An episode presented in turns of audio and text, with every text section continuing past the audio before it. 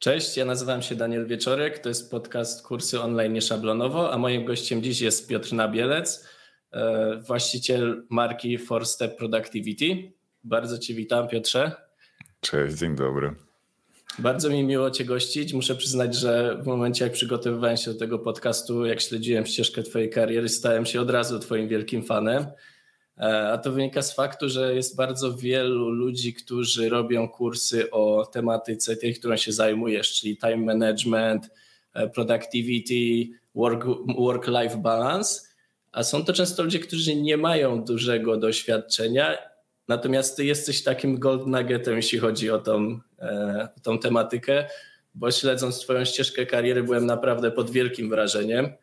Mm, no wręcz idealna, bo tak, software, e, software engineer, e, quality assurance team lead, technical trainer, no i w końcu business owner teraz, tak? Tak. Więc zdecydowanie jest to ścieżka, która daje ci wszystkie kompetencje do tego, żeby być po prostu mistrzem w tej tematyce. Powiedz mi jedną rzecz, bo to jest pytanie, które zrodziło się od razu w mojej głowie. Mając tak bogatą e, ścieżkę kariery i będąc tak wiele razy już praktycznie na szczycie drabiny, tak? No bo tutaj lead, tak? Engineer lead, e, quality assurance team lead. Co sprawiło, że nie zatrzymałeś się na żadnym, e, na żadnym szczeblu jakby tej swojej kariery, będąc już wysoko, tylko zdecydowałeś, że jednak szukasz czegoś więcej? No, z tym, że wysoko, to też bym nie przesadzał. W ogóle pierwszy to dziękuję za piękny wstęp. nie przesadzałbym tym, że jakoś strasznie wysoko, bo wiesz, nie, nie byłem na stanowiskach typu tam C, X, O, albo jak, wiesz, technicznie bardzo wysoko, albo w zarządach. Więc jeszcze kilka tych szczebli było. Ja byłem raczej w dużych firmach. E, I faktycznie no, duży głód. Ja lubię naprawiać e, problemy, lubię usprawniać e, i miałem z czasem taką możliwość coraz szerszego wpływu. No ale też każda firma ma swoje jakieś tam smaczki. I w pewnym momencie, idąc z firmy do firmy, zauważyłem, mimo że pracowałem we wspaniałych firmach i, i ze wspaniałymi ludźmi, no to jednak jest coś takiego, że nie wszystko sobie mogę zrobić tak, jak ja chcę ograniczało to jakąś moją wolność. Często musiałem być na spotkaniach, na których trzeba było być, chociaż nie czułem, że dają jakąś dużą wartość. I w każdej firmie pojawia się taka mm, przestrzeń, w której ja jestem w jakiś sposób forsowany do tego, żeby robić coś, w co nie wierzę. I tego nie potrafiłem nigdy robić za dobrze.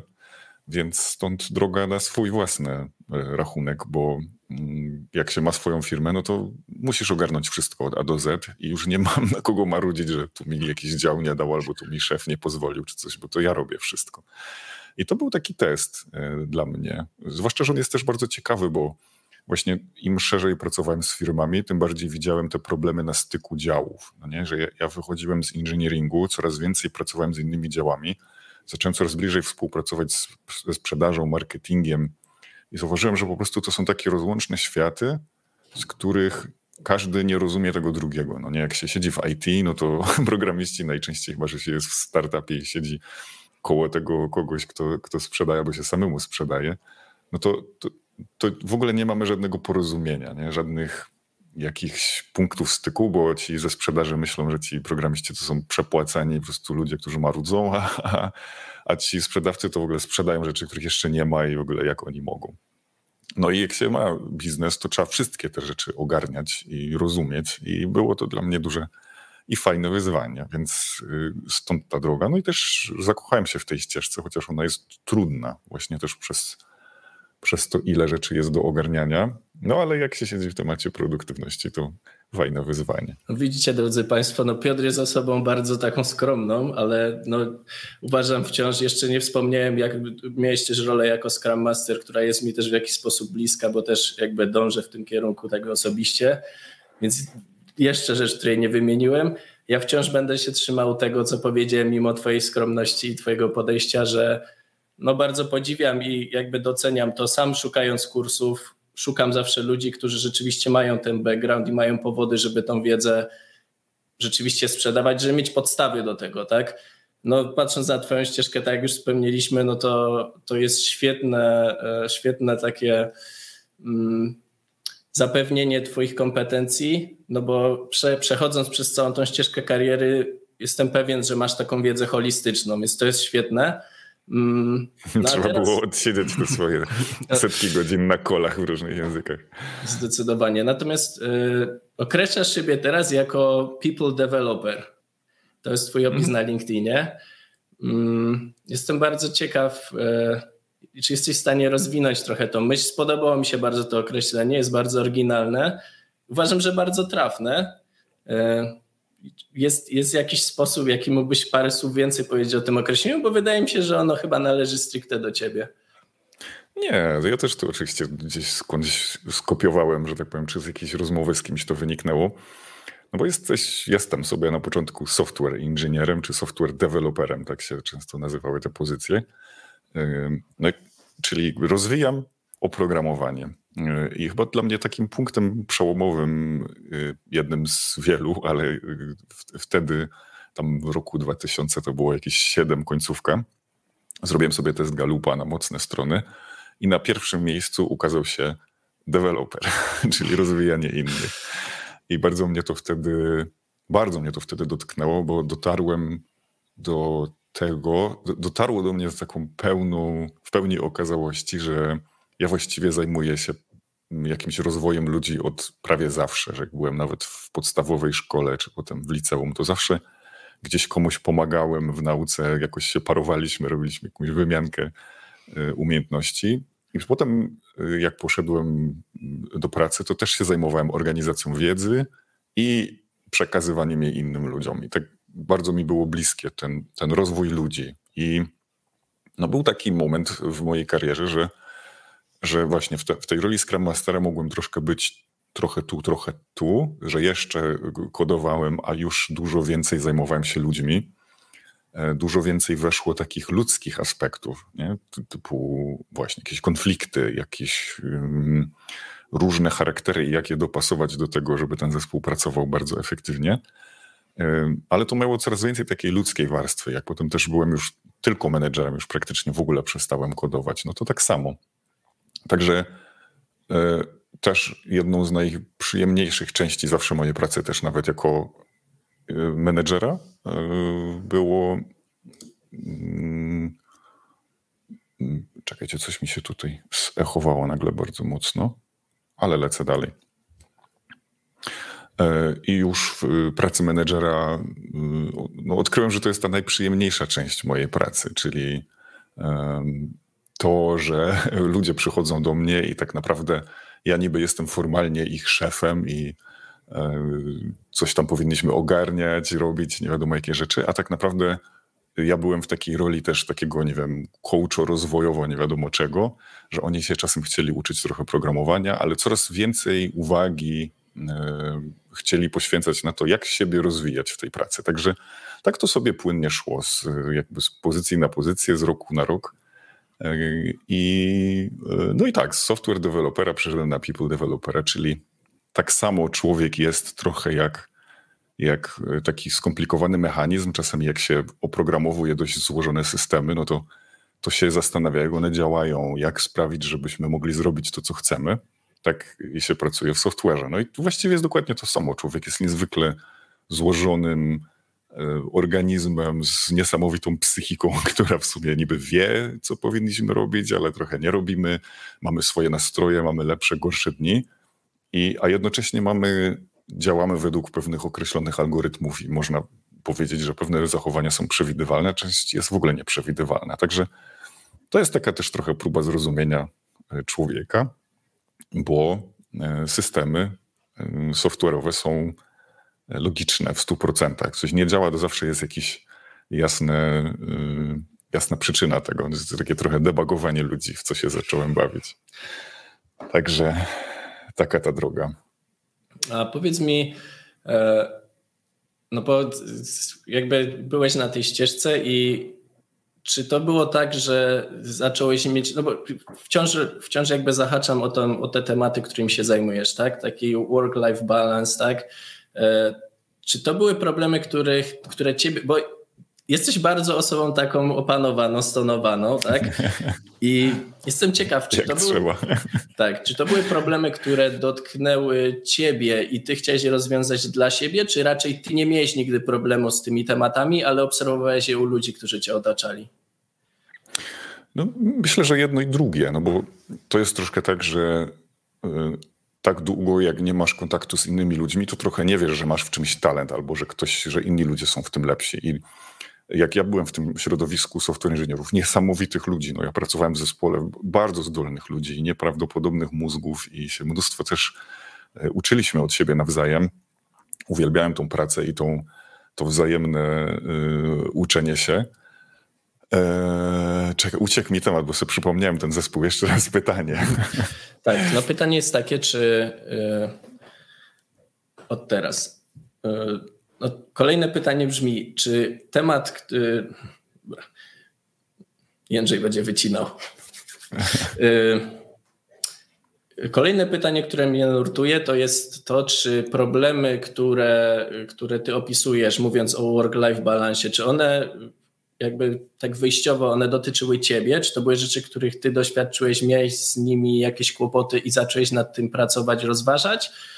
Czy raczej to były rzeczy, które dotykają ludzi w koło? Pytam, bo jesteś taką osobą bardzo zbalansowaną, bardzo stonowaną, spokojną, opanowaną, więc no raczej jakby spodziewałbym się, że ty masz to wszystko ogarnięte, a może właśnie ludzie w koło nie mieli? Czy nie do końca? To jest oba. Ja, ja tu mogę odpływać w tym temacie, bo mi tyle wątków wystrzeliło, że po prostu aż nie wiem, gdzie zacząć.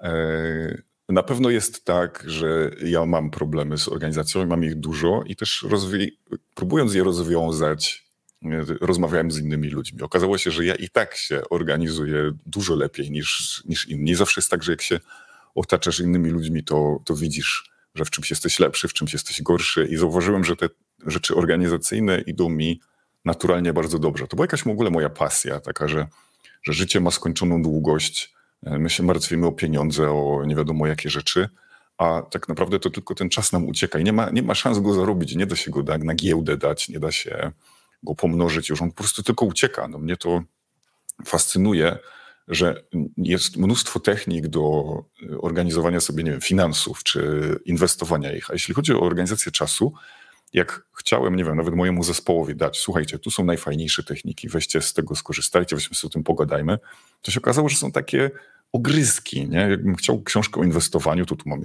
ileś instrumentów finansowych, każdy działa, tu mam jakichś ekspertów, mogę, mam jakieś fora, a w tym time managementie to tak, wiesz, nawet jak powiem zadanie, to każdy człowiek w ogóle co innego rozumie pod tym tematem zadania. Jeden za zadanie da na dwie godziny, drugi na dwa tygodnie i brakowało bardzo języka. To, to było takie pierwsze, co mnie uderzyło. E, ja też no, uznaję siebie za osobę wysoko wrażliwą. Mam bardzo zmienne nastroje, dużo czuję. E, zajmuję się też nie tylko takimi rzeczami bardzo logicznymi, ale też dużo z pogranicza jakiegoś czucia, sztuki, takich rzeczy. I te wszystkie techniki organizacji czasu, których, o których się uczyłem, czy które czytałem, były dla mnie takie strasznie robotyczne, tak jakby po prostu człowiek dało się go wepchnąć w jakieś takie algorytmiczne ramy, takie, to jeszcze takie ociosane na twardo. I, mm, i to było takie nieludzkie wręcz, nie? Że, że, że po prostu wszystko ma być w jakichś poukładanych takich folderach, na listach i to brakowało w tym strasznie powietrza i luzu i ja gdzieś tu sobie znalazłem takie miejsce, że, że przecież widzę, że się ludzie dookoła zmagają, siedzą w tych telefonach, chociaż nie chcą, e, mówią, że pójdą wcześniej spać, ale z jakiegoś powodu nie idą, wstają zmęczeni, mamy jakieś postanowienie, że coś będziemy robić, robimy dwa tygodnie i rzucamy. To jest, to jest takie, no jak się rozejrzy dookoła, to w miarę wszyscy tak mają, poza nielicznymi wyjątkami, które na Instagramach i innych pokazują, że niby tak nie jest. A to są jacyś tacy, wydawało mi się, szczęśliwcy.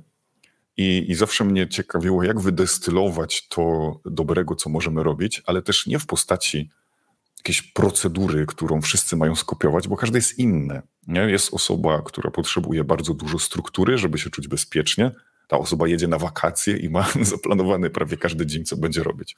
A są osoby, które w ogóle jak myślą o czymś takim, to już ich skręca, że w ogóle ja właśnie jadę na wakacje, jadę tam i mam hotel na pierwsze kilka dni, załóżmy, albo nie wiem, na całość, a co będę robić? Nie wiem, zobaczę na miejscu.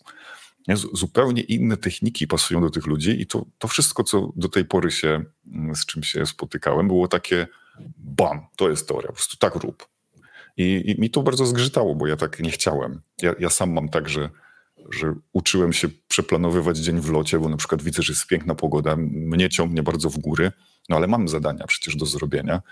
E, I jak zrobić tak, żeby tak swoje życie ułożyć, żeby się tak jakoś jak, pływać, jak takie fale, nie? że mogę siedzieć w wodzie jak ten surfer i po prostu wyklinać w niebo, gdzie ta fala i się nie wiadomo jak tutaj napinać, a mogę y, po prostu wiedzieć, siedzieć w wodzie i wiedzieć na przykład, że ta fala przyjdzie, bo jest taka pogoda, jest taki wiatr, że rozumiem mechanizm i potem czekam na tą falę po prostu na niej jadę. Najdłużej jak się da. I, i gdzieś te, te, metafory mi bardzo służą, że, że miałem wrażenie, że większość technik organizacji jest w jakimś takim gwałcie wręcz, nie? że po prostu ty się musisz zmusić, musisz po prostu samokontrola czy coś i potem ludzie tak żyją jakiś czas i pękają. Nie? I mamy wypalenia, mamy jakieś problemy z psychą, mamy no, bardzo dużo takich niefajnych efektów, trochę jak jojo w odchudzaniu, nie? że się po prostu napinamy i potem nagle jak rzecz eksploduje, to się rozwala to i jeszcze kilka relacji na przykład, bo już nie da się z nami wytrzymać. Także to jest jakieś moje, no teraz jak Forstepa już prowadzę, to, to ten, ten human-centered productivity, to jest taki tekst, który gdzieś jak się budzę i się zastanawiam, po co ja w ogóle mam dzisiaj wstawać, to, to myślę sobie, to jest taki temat, którego mi strasznie brakuje, czyli ogarnijmy, co jest do ogarnięcia, a jednocześnie nie zgubmy tego, tego piękna bycia człowiekiem. No, jesteśmy, teraz to nagrywamy, to świeżo przecież czat GPT tutaj święci triumfy, co drugi post, który widzę jest o tym. Nie? I świetnie się zgada z tym czatem, tylko on na wszystkie emocjonalne rzeczy mówi, słuchaj, ja nie mam uczuć, nie wiem o co chodzi, mogę ci tutaj podpowiedzieć. I by ta ludzka natura jest dość dziwna. Ja ją uwielbiam studiować e, i jednocześnie jest jakiś zestaw uniwersalnych zasad, bo to jest biologia. Nie? Część jest biologiczna, a część po prostu dotyczy pewnych y, personalnych rzeczy, żeby też zauważyć, że jedni lubią tak, a drudzy lubią trochę inaczej. Jeśli mam zegar biologiczny taki, to współpracuję z nim, jak z tą falą, a nie po prostu się gwałcę, że zacznij wstawać o 5 rano i twoje życie się zmieni. Nie? No i się może zmienia na 2-3 tygodnie, a potem ludzie często wracają do starych nawyków. I te nawyki to jest ten temat, który mnie też e, kręci od lat, bo e, widzę, że na tym się zasadza tak naprawdę ten temat e, produktywności bardzo mocno. No i mogę gadać oczywiście dwie godziny. No właśnie miałem mówić, że jest to temat, który też bardzo mnie interesuje i to też zahacza o, o stricte nawet no, teorię Darwina, tak, o rozwój człowieka, o tym, na jakich zasadach jeszcze nasze geny wciąż funkcjonują, bo ten rozwój, który się odbył, to jest ostatnich 100 lat, a wcześniej przez tysiące lat było dużo stabilniej. Nasze mechanizmy takie wewnętrzne wciąż jeszcze bardzo często tak naprawdę są pozostałością po tych, nazwijmy to, spokojnych czasach. Dlatego też no, mhm. jest, to, jest to bardzo szeroko taki zakreślony problem, jeśli chodzi o ten o ogarnięcie tego szybkiego świata. Mm, ale jednocześnie też właśnie zgadzam się z Tobą bardzo w tej kwestii, że jest to, jest to bardzo organiczne. Tak jak powiedziałeś o, o mechanizmach giełdowych, myślę, że giełda jest bardziej przewidywalna niż właśnie ludzie, bo, bo to podejście takie, tak jak mówisz, z jednej strony biologia teoretycznie definiuje pewne schematy, ale później finalnie te doświadczenia każdego człowieka sprawiają, że i tak każdy, do każdego trzeba podejść w pewien sposób y, indywidualnie w tym przypadku każdy też musi wziąć, na przykład patrząc, patrząc na kursy, każdy musi wziąć tak, wiedzę z kursu i ją zaadaptować do siebie, żeby, żeby pasowała do jego schematów. No mówię, temat rzeka, ale wróćmy do tematyki kursów, bo po to się dzisiaj spotkaliśmy. Mm, chciałbym, żebyś opowiedział troszkę o, o swojej, nawet nie troszkę, może więcej niż troszkę, e, o swojej ścieżce kariery, już jak to wcześniej określiłem, jako business owner E, produktywni.pl. Jakbyś mógł na szybko powiedzieć, o co chodziło? Mm, mówię chodziło, bo jest już nowy projekt, o którym też powiemy. Mm, także oddaję Ci głos. No, trzeba by tu kropki połączyć historycznie, jak to się działo. Byłem sobie na etacie, e, wiedziałem już, że chcę się zajmować szkoleniami, więc moja ostatnia pozycja w firmie, w której pracowałem, już miała oficjalnie trenera w nazwie, czyli Y, zajmowałem się szkoleniami, tylko jeszcze dużo tych szkoleń było na pograniczu właśnie mm, takich rzeczy inżynieryjnych bardzo mocno. I ja wtedy zacząłem robić szkolenia takie z time managementu, bo mnie ten temat bardzo kręcił. I jak zobaczyłem rosnące zapotrzebowanie na to, plus gdzieś znajomi usłyszeli, że ja to robię i z innych firm zaczęli pytać, hej, może byś nam zrobił szkolenie też z tego, no i okazało się, że jest na to rynek, że może ktoś byłby zainteresowany tylko szkoleniami z zakresu time managementu. Zacząłem tą wiedzę układać I wtedy się pojawił pomysł założenia e, po prostu firmy, która się zajmie szkoleniami z tematu organizacji czasu, głównie na razie dla firm IT. Miałem to zrobić z moim kolegą, we dwójkę. On w międzyczasie zaczął budowę domu. Okazało się, że jego żona jest w ciąży i zostałem sam. Nie ogarnął e, time managementu, tak? W skrócie. Nie, znaczy o, właśnie bardzo ogarnął. Właśnie dla mnie bardzo ogarnął, bo po prostu priorytety miał takie, że chciał ogarnąć to najpierw i, i mogliśmy się umówić tak, że ja po prostu czekam na niego, e, aż on sobie ogarnie rzeczy, albo lecę sam. No i spotkaliśmy się i postanowiliśmy, że jednak lecę sam, mimo że nazwę produktywni.pl wybieraliśmy razem, razem ankietowaliśmy ludzi. On tak jakby mm, na tej ostatniej prostej przed początkiem jednak zrezygnował. I zająłem się szkoleniami dla firm. E, przez to, że miałem duże doświadczenie ze Scrumem, z organizacją procesów w firmach, to najpierw te szkolenia były no właśnie głównie dla firm, głównie dla tak, takie typowe warsztatowe, 15, 15 osób na sali, warsztaty różnej maści skramowe. E, pozdrawiam wszystkich, którzy byli. E, I tak z, z czasem coraz mniej, coraz bardziej eliminowałem te tematy organizacji firm czy, czy dużych struktur, bo, bo takich szkoleń jest dużo już w tej chwili. E, a przejął mnie całkowicie temat, jak ja, Piotrek, czy jak ty możesz sam siebie zorganizować, jakie są najlepsze techniki. Zauważyłem, że tego jest bardzo mało w sensownej postaci, więc produktywni tak troszkę skręcali. E, I ja z, też widziałem, jak dużo czasu się w cudzysłowie marnuje na sali szkoleniowej, bo po takim dwudniowym szkoleniu ludzie i tak brali kilka pojedynczych rzeczy i wdrażali w życie te pojedyncze. Mm, więc spróbowałem, a jednocześnie właśnie te kursy online tradycyjne, takie w postaci wideo, były takie bezinterakcyjne, czasem nudne. Często jest tak, że ludzie kupowali, ja sam tak miałem przecież, że kupuję kurs i potem go nie kończyłem nigdy. I próbowałem znaleźć taką hybrydę czegoś, co ma to poczucie takiego bycia w grupie, w sali, pracy nad jednym tematem, dyskusji, a y, jednocześnie właśnie w tej online'owej wersji, takiej trochę bardziej zasadzoną w życiu, w życiu, ja jestem ze Śląska, to źle zabrzmiało, w życiu.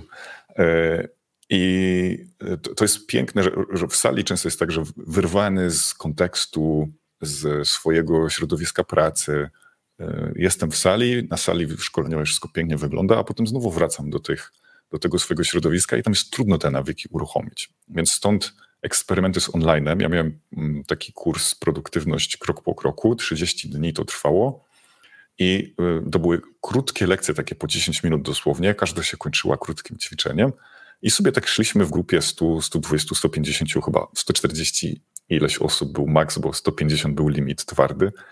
Mm, I to tak średnio właśnie 120-130 osób e, lecieliśmy przez taki program 2-3 razy do roku. I tam też przez to, że ludzie codziennie mieli do zrobienia chociaż jakieś króciuteńkie zadanie, ale bycie w tym rytmie, który wytwarza nawyki, bardzo dużo się tam nauczyłem. Także to był, to był drugi taki eksperyment e, i, i naprawdę prawie wszyscy kończyli ten kurs. To, to było tam 93%. Ja miałem 1500 e, uczestników ostatecznie w sumie wszystkich edycji. No i 93% ludzi kończyło ten kurs, jak go zaczęło, nie? czyli te 30 dni. W ostatni dzień dalej się meldowali w kursie. Jednocześnie bardzo dużo, nawet kilka miesięcy później mnie pisało i jak się spotykaliśmy na żywo, to też było, że mówili, że dalej mam te nawyki, dalej to zostało. I jakby ja cały czas eksperymentuję z takimi formami, które, które dają ten długofalowy efekt, takie, takie, że się spotykamy za rok i ty mówisz, wiesz co, dalej to robię, dalej mi to pomaga, to jest super. Więc to jest ciągłe takie poszukiwanie. Y, no ten świat online jest fajny, bo możesz zrobić y, po prostu wtedy, kiedy chcesz, kiedy czujesz taką potrzebę. Nie? Że online to się musi, znaczy ten stacjonarny, musisz się zapisać, mija miesiąc albo dwa, trafiasz na jakąś grupę y, i, i to cię wyrywa z jakiegoś naturalnego środowiska, a tutaj jestem tu, gdzie jestem, mam życie takie, jakie mam, czuję, hej, potrzebuję się ogarnąć, nie? Bęk, co mogę zrobić takiego, co mi pomoże już? I ten online mnie wciągnął, a potem się okazało, że jak COVID przyszedł, że dobrze, że wciągnął, bo miałem co jeść, bo e, moje szkolenia stacjonarne z kalendarza w pięć dni wyparowały wszystkie. Nie? Ja praktycznie, gdyby nie ten kurs online, to ja straciłbym 100% dochodu. Hmm. A tak to tylko połowę. No to były dobre czasy dla szkoleń. No to jest taki słodko-gorzkie, bo chciałoby się powiedzieć, żeby wróciły, a z drugiej strony niech wrócą, ale tylko dla szkoleń, a niech, niech te powody nie będą takie same, nie? Chociaż szkolenia i tak, że tak pozwolę sobie wtrącić, i tak idą do przodu, i tak jest to, jest to, jest, jest to branża na fali wzrostowej, więc nie bądźmy też takimi pesymistami. Nie chciałem, żeby to zabrzmiało, że a wtedy to było, a teraz to już nie ma. Zupełnie nie. No szczególnie jeśli się trafia w internecie i, i na stronach właśnie tak wartościowe treści, jak ty choćby sprzedajesz, no to trudno się nie dziwić, że się to rozwija, tak? Ale myślę, że warto, żebyśmy przeszli, bo o produktywny już trochę powiedziałeś. Mm, warto, żebyśmy teraz powiedzieli o Twoim nowym projekcie, bo, bo myślę, że on jest bardziej aktualny. E, mhm. Four Step Productivity, tak? Opowiedz tak, coś no. więcej. Jaki jest, że jeszcze wtrącę, jaka jest zależność, czy to jest kontynuacja produktywni.pl, czy to jest zupełnie świeże podejście? No bo też wiem, że produktywni zostają w pewien sposób zastąpieni przez Four Step Productivity. E, produktywni już nie będą dostępni, tak? Więc... Tak. E, no, tu znowu trzeba by połączyć kropki. E, ja bardzo lubiłem i lubię podróżować Wspaniałe też momenty pracy na etatach były takie, kiedy leciałem do innego kraju i pracowałem z lokalnym zespołem. To jest też zupełnie inny sposób e, poznawania kultury, kiedy się można pracować z ludźmi nad tym samym, a nie się zwiedza. Czyli mogę, nie wiem, w Tokio jechać z ludźmi metrem, potem iść do biura, odbijać się tak jak oni, iść z nimi na lunch. I tęskniłem za tym produktywnych chyba najbardziej. I też zauważyłem, że y, część moich znajomych, którzy korzystało z kursów produktywnych, mówią, czy masz coś po angielsku, bo wiesz, chciałbym dać zespołowi, zespół mam na przykład w Stanach i czy masz coś dla nich? No i cały czas stałem z tym dylematem, polski czy angielski, polski czy angielski, jak to robić? Bardzo dużo czuję, że chciałbym robić dla Polaków, a jednocześnie ten angielskojęzyczny rynek mnie wyrywał, zwłaszcza, że ludzie mówią, słuchaj, jesteś po korporacjach, masz świetny angielski, jakby mógłbyś to spokojnie robić. No i wtedy na próbę zrobiłem e, kurs na Udemy. E, to jest w sumie największa platforma z kursami na świecie. Wszedłem sobie we współpracę z Bartkiem Rycharskim z e, Kurs Makers i zrobiłem kurs po angielsku i chciałem zobaczyć, jaki będzie odzew. Też no, byłem totalnie nieznanym leszczem międzynarodowo. Nie? Jakbym pojechał na konferencję do Paryża, czy do Londynu, czy do San Francisco, no to właściwie byłbym nikim tam. Nie? I chciałem sobie wybadać temat. No teraz, kiedy ten kurs ma prawie 30 tysięcy studentów i tam 12 tysięcy recenzji, no to ja jak się zgłaszam na konferencję, czy będę się zgłaszał, no to, to od razu mam jakieś takie credibility, że, że już wie, o dobra, dobra, to jest jakiś gościu tutaj w tym temacie, który ogarnia. I to mi było potrzebne jako jedna z rzeczy, czyli takie trochę wybadanie tego tematu, no bo jak się startuje z nowym produktem, to sobie badasz rynek, czy jest jakiś odzew a z drugiej strony, mm, no właśnie, to jest takie budowanie wiarygodności, że wiedziałem, że nawet jak będę robił kolejne rzeczy, to na tym Udemy już będę mógł coś zbudować. I przyszedł taki dzień, że tych, tych produktywnych materiałów, tych mm, przykładów, y, pytań od ludzi zebrałem tyle, że, że już zacząłem to mocno układać. Zauważyłem, że są pewne struktury, że pewne pytania się powtarzają, że um, że to się da ułożyć w jakąś sensowną wiedzę, że to, co ludzie nazywają produktywnością, tak naprawdę składa się z kilku kroków i dla mnie to się ułożyło w cztery kroki, a y, te cztery kroki się dzielą na dziesięć takich trochę mniejszych tematów i jakby je ułożyć w taki sposób, że trochę innym tematem jest ogarnięcie sobie jednego dnia, kiedy rozmawiamy o jak zorganizować zadania, nie wiem, przebieg energii, jak zadbać o swoje skupienie, a innym tematem zupełnie jest pogadanie o tym, na przykład, jak możemy na maksa współpracować ze swoimi naturalnymi talentami, albo pasjami, albo.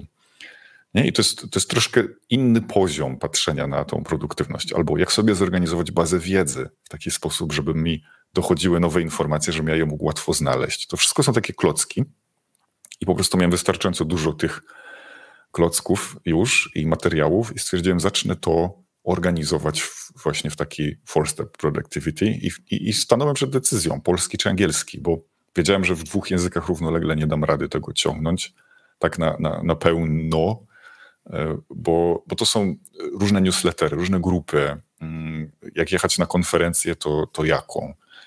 I po prostu był taki dzień, ja dojrzewałem kilka miesięcy do tej decyzji, e, że tak najpierw myślałem, dobra, najpierw będę robił po angielsku i będę tłumaczył na polski te najbardziej przydatne i tak dalej. I pewnego dnia po prostu wstałem i powiedziałem, no nie no, muszę po prostu zrezygnować z polskiego. Domknąłem ostatnie edycje kursów i przerzuciłem się całkowicie na, na four-step productivity, które, yy, które właśnie będzie porządkowało te 10 tematów produktywności w takie pigułki na dany temat.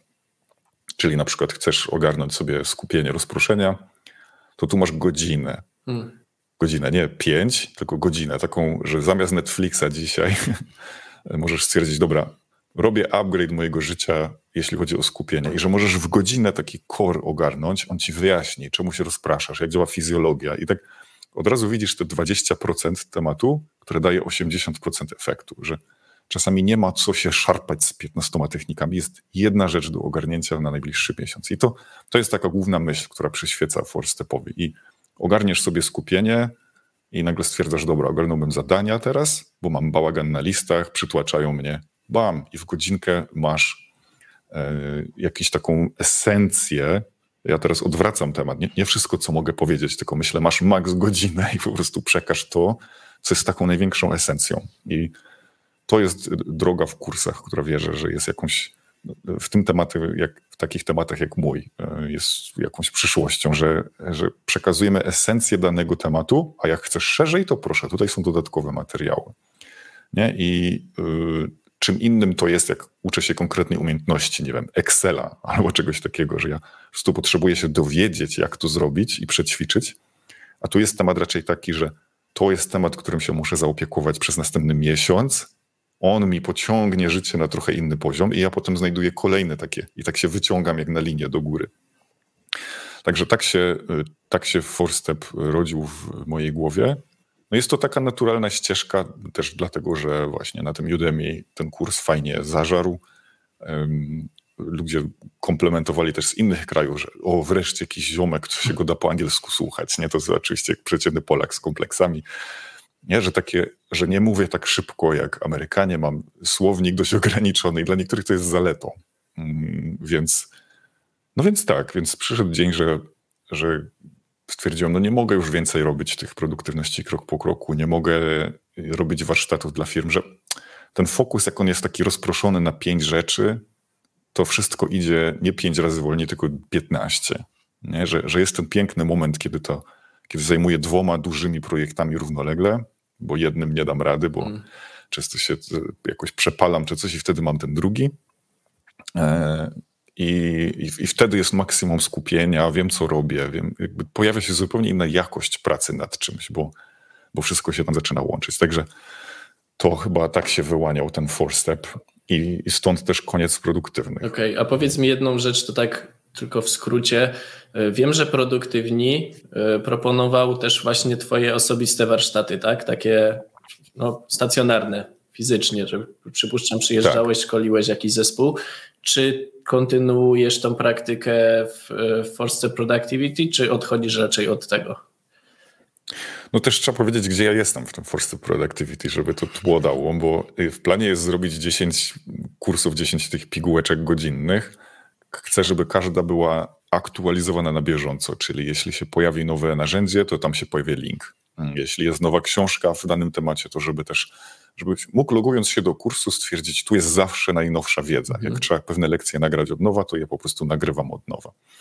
I jestem po nagraniu pierwszego kursu i on wyszedł dosłownie tam 2-3 tygodnie temu, tak naprawdę realnie. Nie? Także jestem na początku tej drogi, teraz zbieram scenariusz na drugi kurs i prawdopodobnie zrobienie 10 zajmie mi z dwa lata.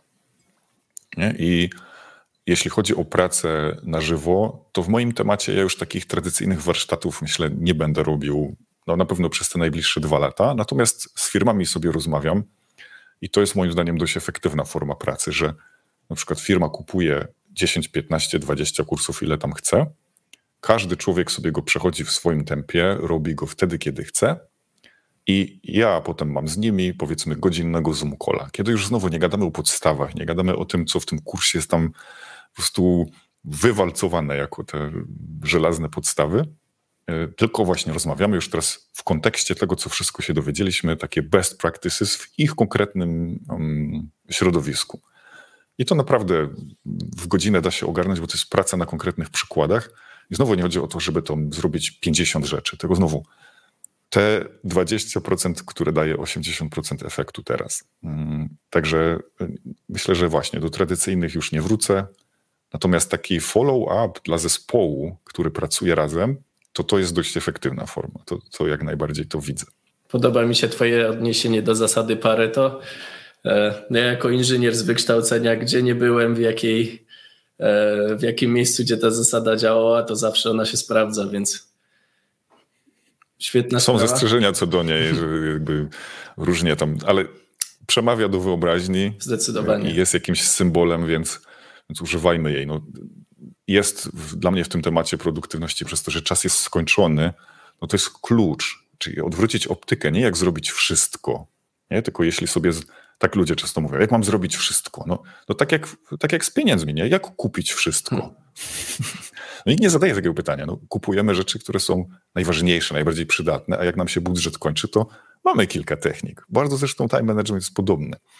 I wiemy, że pieniądze są skończone, jakoś z tym żyjemy, a ten czas to nam się wydaje, że jeszcze wrzucę pięć rzeczy i jakoś to będzie. Hmm. E, że to się jakoś wy, wyciągnie z gumy. Tymczasem okazuje się, że energia jest problemem, że jej zarządzanie jest, y, jest problemem i to Pareto nam przypomina. Hej, słuchaj, 20% tego, co robisz, daje ci 80% satysfakcji z życia. 20% tego, co robisz, daje ci 80% efektów.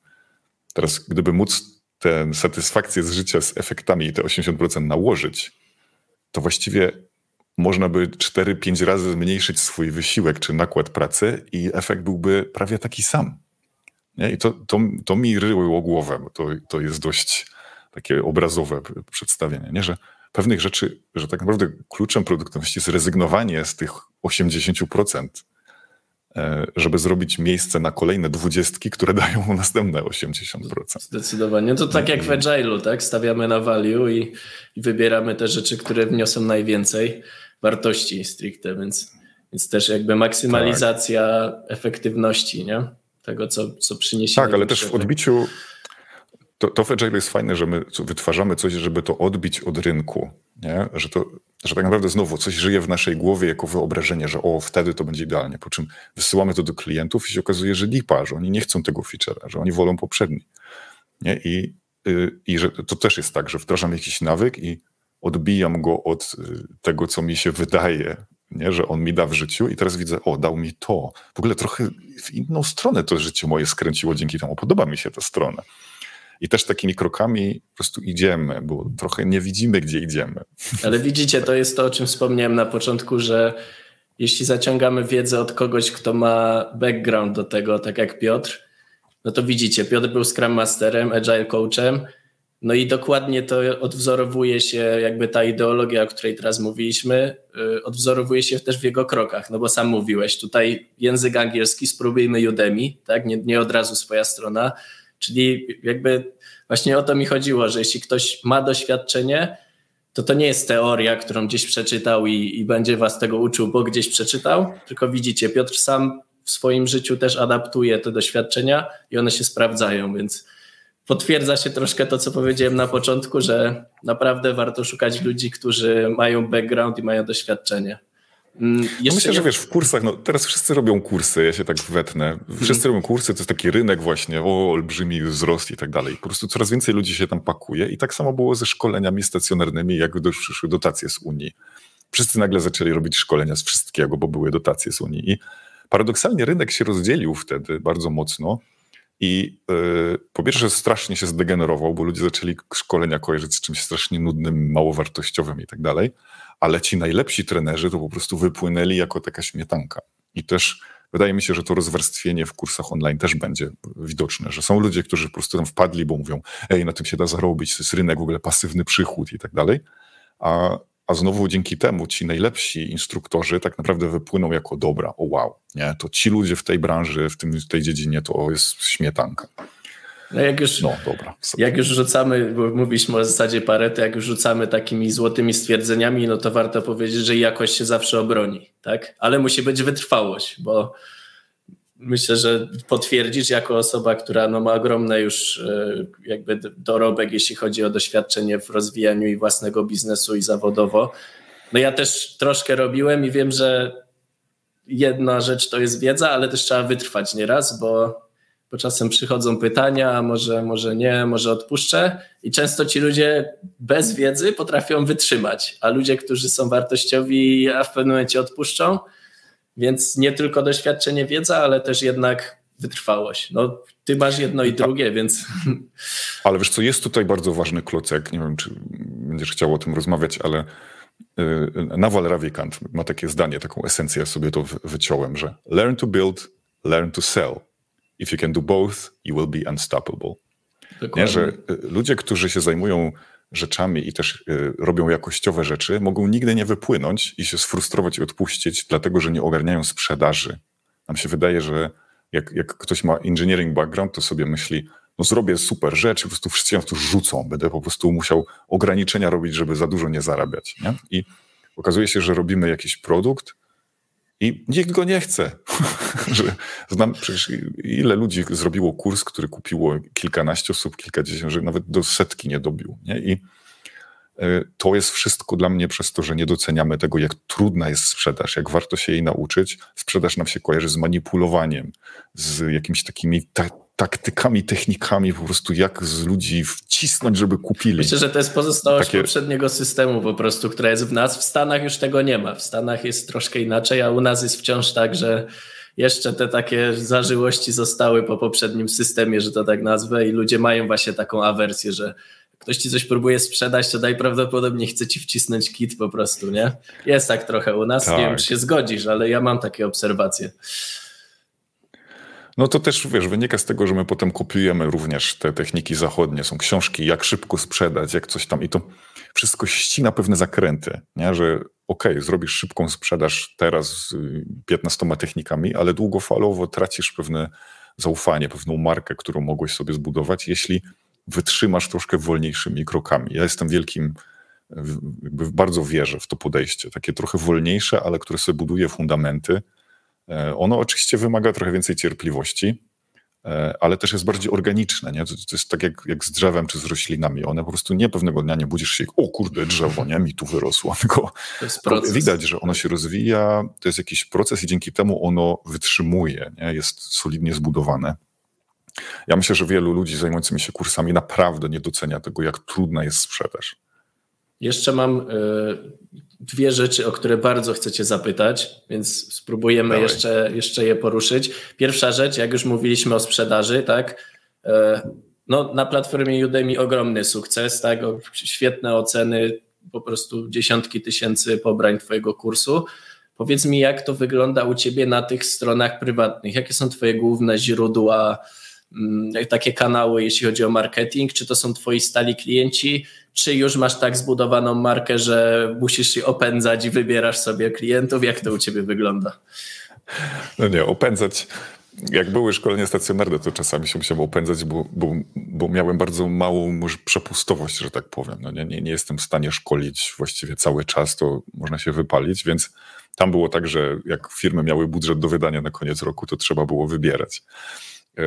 Z Udemy jest tak, że oni za mnie sprzedają, oni mają swoje kanały komunikacji i sprzedaży i to jest super, bo ja dałem content, a oni zajęli się resztą. Oczywiście oni też tną prowizję no, niewiarygodną za to, ale z drugiej strony to jest taki półpasywny przychód, bo ja tam tylko mm, raz na jakiś czas zrobię aktualizację lekcji, odpowiem na jakieś kilka pytań w Q&A, odpiszę ludziom na wiadomości i tyle. Jak chodzi o strony moje, no to jestem w takim stanie pomiędzy trochę teraz, czyli e, jak była strona produktywnych, to i tak głównym, jakby głównym źródłem, z którego ludzie, mm, przez które kupowali, to był mój newsletter e, oraz firmy. E, przez to, że współpracowałem z firmami nad stacjonarnymi kursami, no to po prostu się odzywałem do nich. Oni często przysyłali całą grupę kilku, kilkunastu osób. I Forstep też się rozkręca w tej chwili, więc to nie jest tak, że tam jest milionowe ruchy miałem przed sprzedaż też bardzo dużo ludzi, e, która kupiła ten kurs. To są Polacy, którzy gdzieś mm, poprzednie moje rzeczy też e, kupowali i tak powolutku, organicznie sobie to rośnie, jeśli chodzi o zagranicę też.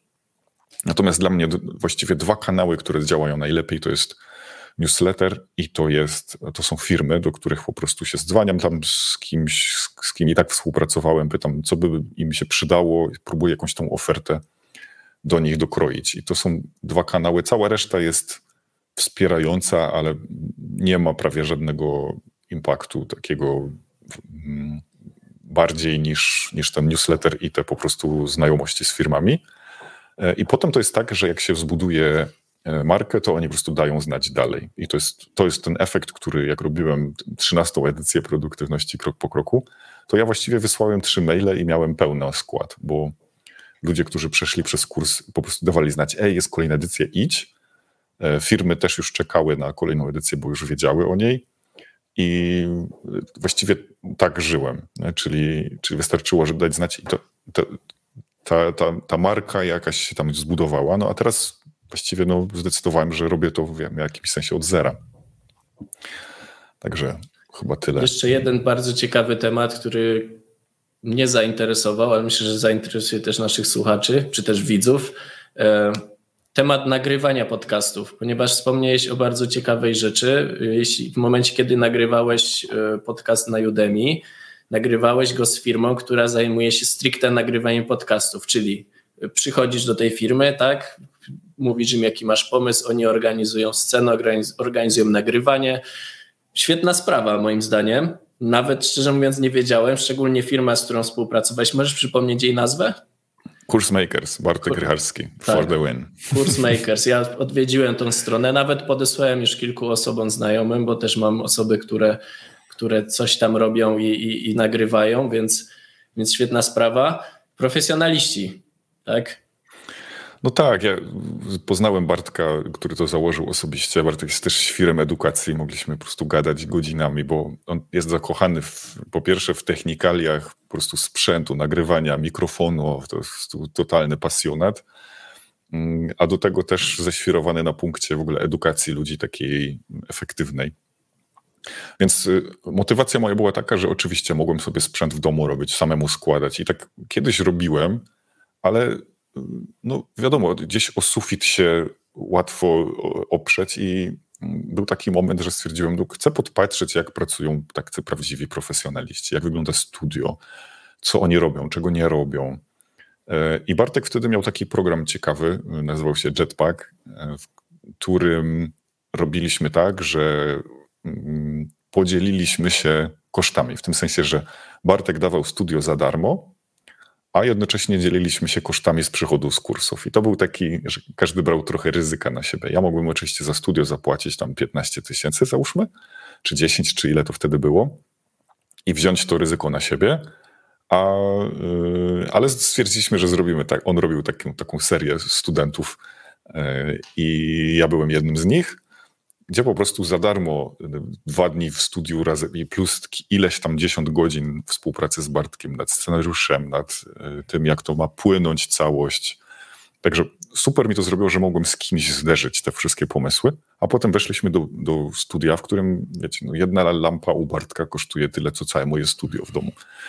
I yy, też przez to, że, że oni tam są świrami na ten temat, to wszystko było ustawione pięknie. Ja nie musiałem się właściwie niczym przejmować i to, to jest fajne, że wchodzę, robię swoje, wychodzę. Oni się zajęli nagraniem, montażem, scenografią, lampami, wszystkim czym. I, I też podpatrzyłem tam kilka rzeczy, z których teraz sam w domu e, korzystam. Więc przepiękne doświadczenie też dlatego, że, że można podpatrzeć, jak pracują profesjonaliści, coś sobie wziąć stamtąd i też Dzisiaj mam większy luz we współpracy z jakimś, jak potrzebuję coś nagrać. Mogę sobie nagrać w domu, ale jak chcę właśnie, żeby ktoś mnie wyręczył w tym, no to, to już mniej więcej wiem, z czym się to je, wiem, jak się pracuje z różnymi narzędziami, nie wiem, jeśli, kiedy warto użyć promptera, kiedy nie wolno. Są takie rzeczy, których po co mam wymyślać koło od nowa, jak po prostu mogę iść do nich. No słuchajcie, najlepszym potwierdzeniem tego, o czym mówi Piotr, jest choćby spojrzenie, no nie wiem, czy macie, macie obraz, ale spojrzenie na naszą kamerę dzisiaj. No Piotr pełen profesjonalizm. Ja jestem po prostu zazdrosny, ale jednocześnie aż mi głupio. Muszę się poprawić następnym razem w tej kwestii. No to jest, wiesz, ja chciałem mieć sprzęt do nagrywania w domu, który będzie na tyle przyzwoity, żebym mógł jak mi przyjdzie pomysł nagrania kursu w domu albo zrobienia webinaru czy czegoś takiego, to żebym po prostu mógł wyjąć sprzęt, rozstawić go w 50 minut i po prostu nagrywać. I żebym nie musiał kombinować, a przez to, że chcę, żeby kursy moje były aktualizowane na bieżąco, no to nie muszę bukować studia, tylko takie podstawki to ja sobie nagram w domu. Nie? To, to jest naprawdę przyzwoitej jakości, a jak chcę jakość jeszcze piętro wyżej, to po prostu idę sobie do studia. I ten sprzęt też mi Bartek pomagał dobrać. E, udało się, ja to tuż przed COVID-em zrobiłem, także co ciekawe, hmm. przed COVID się okazało, że nic nie ma już w sklepach, po prostu wszystko wykupione, wszystkie sprzęty, kable, mikrofony, jakieś przejściówki HDMI, po prostu pustki. E, a ja się zmieściłem na tak tuż przed. Idealnie. A, tak. Powiedz mi jedną rzecz jeszcze. Mm, mhm. Myślę, że na koniec. Czy ty się dużo szkolisz w internecie? Teraz bardzo. Jakie są Twoje główne źródła, jeśli możesz troszkę rozwinąć jeszcze? Może nie róbmy autoreklamy, po prostu, naz- znaczy nie róbmy reklam zewnętrznych, po prostu nazwijmy to źródła zewnętrzne, czy takie w stylu Twoich stron, czy bardziej duże platformy, czy mieszane? Mieszane. Mam takie konkretne rzeczy, które, których się douczam, jeśli chodzi o konkretną umiejętność, którą chciałbym mieć. Na przykład potrzebuję się douczyć automatyzacji mhm. E, jakichś procesów, potrzebuję się douczyć chociaż troszkę analityki. I wtedy fajnie jest pójść do ludzi, którzy są ekspertami, ale tutaj szukałem też kursów takich kohortowych właśnie, czyli w których mogę dołączyć, są jakieś zadania i jest też grupa, bo to jest ważne, że się też od tej grupy uczę. I wtedy szukam takich programów. A przez to, że moją drugą dużą nogą życia jest muzyka, no to bardzo dużo teraz robię kursów z zakresu muzyki, teorii muzyki, aranżacji, kompozycji. I tutaj powiedzmy duże platformy, na których po prostu wyszukuję sobie kursów i najfajniejszych e, instruktorów. I mam tych kursów ileś tam w kolejce łącznie z tym, jak obsługiwać konkretne narzędzia, to, to mam chyba zakolejkowane ze 100 godzin teraz do przodu. Nie z samego tematu muzyki, nie mówiąc o jakichś innych rzeczach. Że, że to jest też taka dziedzina, w której się cały czas douczam. Także to jest kombinacja w zależności od tego, co potrzebuję. Są rzeczy, których mi się fajnie uczy od Polaków i w grupie, e, przez to, że mamy tą samą strefę czasową, jest, mamy różne podobne poczucie humoru i takie tam. E, a mm, znowu takie umiejętności właśnie typu, nie wiem, obsługa konkretnego programu, nie wiem, czy, czy aranżowanie utworków, to jakieś podstawy, nie wiem, produkcji muzycznej, no to wystarczy znaleźć producenta, nie wiem, ze Stanów i on już ma doświadczenie nieprawdopodobnie większe niż większość Polaków. Hmm. FL Studio Także... czy Ableton, że tak wtrącę? Ja jestem z teamu mieszanego Ableton. Okay, to tak jak ja. Logic, ja jeszcze nie zdecydowałem Logic. wciąż, także. Okej. Okay. No dobrze, moi drodzy, słuchajcie, Piotr, chcę, na, na koniec chcę stwierdzić jedną rzecz, pomijając już wszystkie Twoje kompetencje, które mamy na papierze, nazwijmy to nowoczesnym papierem, czyli chodzimy na LinkedInie. Chcę zauważyć jedną rzecz, że gdybym nie przeczytał tych wszystkich rzeczy, które przeczytałem o Tobie, ale po prostu przeprowadziłem tą rozmowę dziś, jesteś idealną autoreklamą dla siebie. Bo, bo to, jakie masz opanowanie, jak wszystko masz ustrukturyzowane, to jak, jak każda rzecz jest logicznie ułożona, no to mówię, nawet nie znając Twojego backgroundu, który kupił mnie zanim z Tobą porozmawiałem, no to, no to jestem pewien, że, że te kursy, które sprzedajesz, wiesz o czym mówisz i, i to jest coś, czym jesteś naprawdę to jesteś ty, więc jest to świetna sprawa. Dla mnie to była ogromna przyjemność. E, muszę przyznać, jeszcze nie zdążyłem usiąść do Twoich szkoleń, natomiast e, już chciałem to zrobić, przygotowując się do tej rozmowy. Nie ogarnąłem jeszcze mojego work-life balansu, więc troszkę, troszkę muszę popracować, ale może właśnie się nauczę. Na pewno mam zamiar i zachęcam do tego też wszystkich, którzy słuchają.